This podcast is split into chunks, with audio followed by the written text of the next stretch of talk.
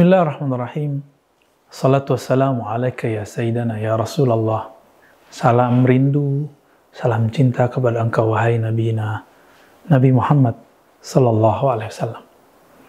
Sahabat yang melekat Allah, setiap perindu Rasulullah, setiap pencinta Rasulullah pasti menyukai cerita dan kisah tentang Nabi Sallallahu Alaihi Wasallam. Suatu kali Nabi Sallallahu Alaihi Wasallam beliau sedang bermain-main. Ini Nabi Muhammad yang masih kecil. Tiba-tiba sedang bermain dengan anaknya Halimah Sa'diyah. Ada dua makhluk yang putih dan bersayap mengatakan, "Ahua ahua, apakah orang ini?" Lalu malaikat yang satu lagi mengatakan, "Iya."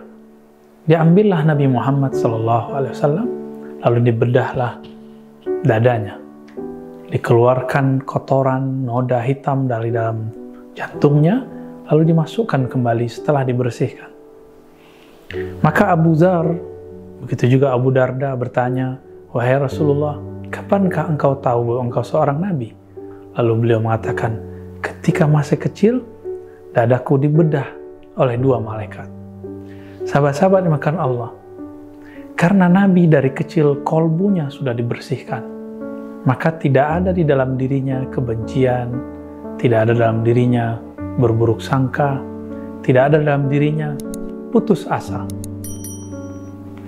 Maka coba lihat kisah yang terjadi pada abad ke-6 Hijriah.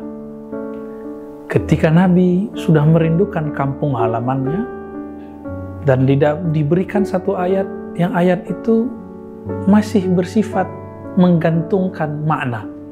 Sampai seorang nabi pun harus berpikir keras kapan ayat itu harus dilaksanakan, yaitu haji dan umrah.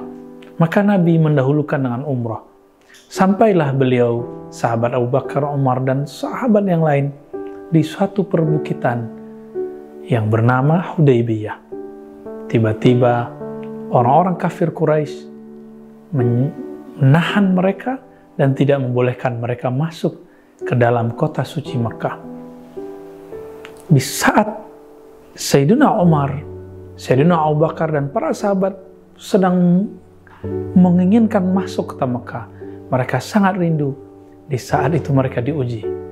Ketika seorang hamba sangat mencintai sesuatu, maka Allah mengujinya dengan hal itu. Terjadilah ujian tersebut mereka ditahan, tidak boleh masuk, bahkan dibuat persetujuan MOU 10 tahun tidak boleh masuk ke Mekah. Nabi Muhammad menerima. Bahkan ketika ditulis namanya Muhammad Rasulullah, kata Rasul pun dihilangkan. Nabi Muhammad mengatakan, hapuslah wahai Ali, tapi Sayyidina Ali kemudian tidak mau menghapusnya karena beliau sangat hormat dengan nama Allah. Beliau tidak berani menulis kata Rasul, Allah lalu menghapusnya sendiri. Tiba-tiba Sayyidina Umar bertanya, Rasulun anta? Wahai Muhammad, benarkah engkau seorang Rasul? Ahakun dinuna, apakah agama kita ini benar? Karena dalam konsep Sayyidina Umar, kita benar mesti menang. Kita benar agama kita sahih, agama kita hak, mesti mendominasi semua. Kita tidak boleh mengalah. Ini konsep Sayyidina Umar. Nabi mengerti perasaan Umar karena di kolbunya tidak ada noda. Nabi tidak tersinggung. Nabi membiarkan.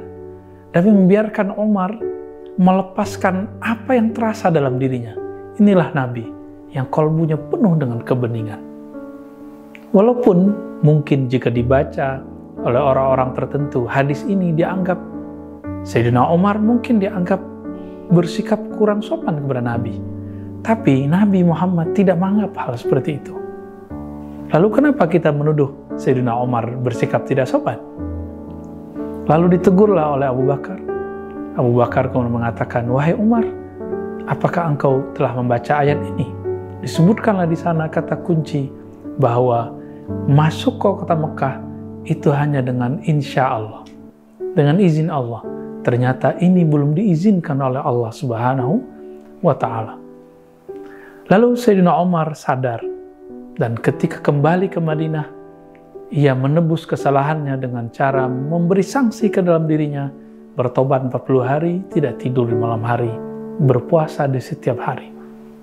Supaya Rasulullah meridhoinya, Allah mengampuninya. Walaupun Rasulullah tidak menaruh dendam sedikit pun dalam hatinya.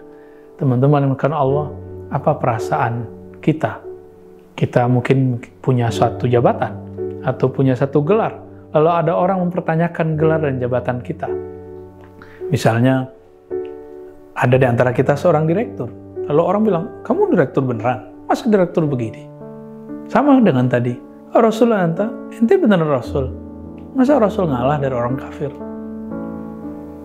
Ada seorang ustadz, seorang ulama, mungkin dia bergelar doktor, LC, MA.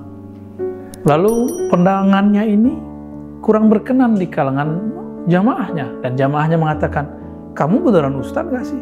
Kamu ustadz macam apa? Ini satu diksi, satu redaksi dengan kalam tadi.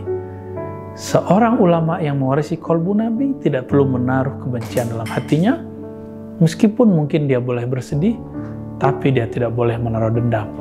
Inilah inspirasi yang dapat kita ambil dari kebeningan kolbu Nabi, keselamatan isi dada Rasulullah Sallallahu Alaihi Wasallam. Maka bacalah satu doa wahai teman, wahai sahabat. Allahumma inna nas'aluka salamat sadr. Ya Allah berilah kami kesalamah, keterbebasan dada hati kami dari sifat-sifat yang negatif. Amin ya rabbal alamin.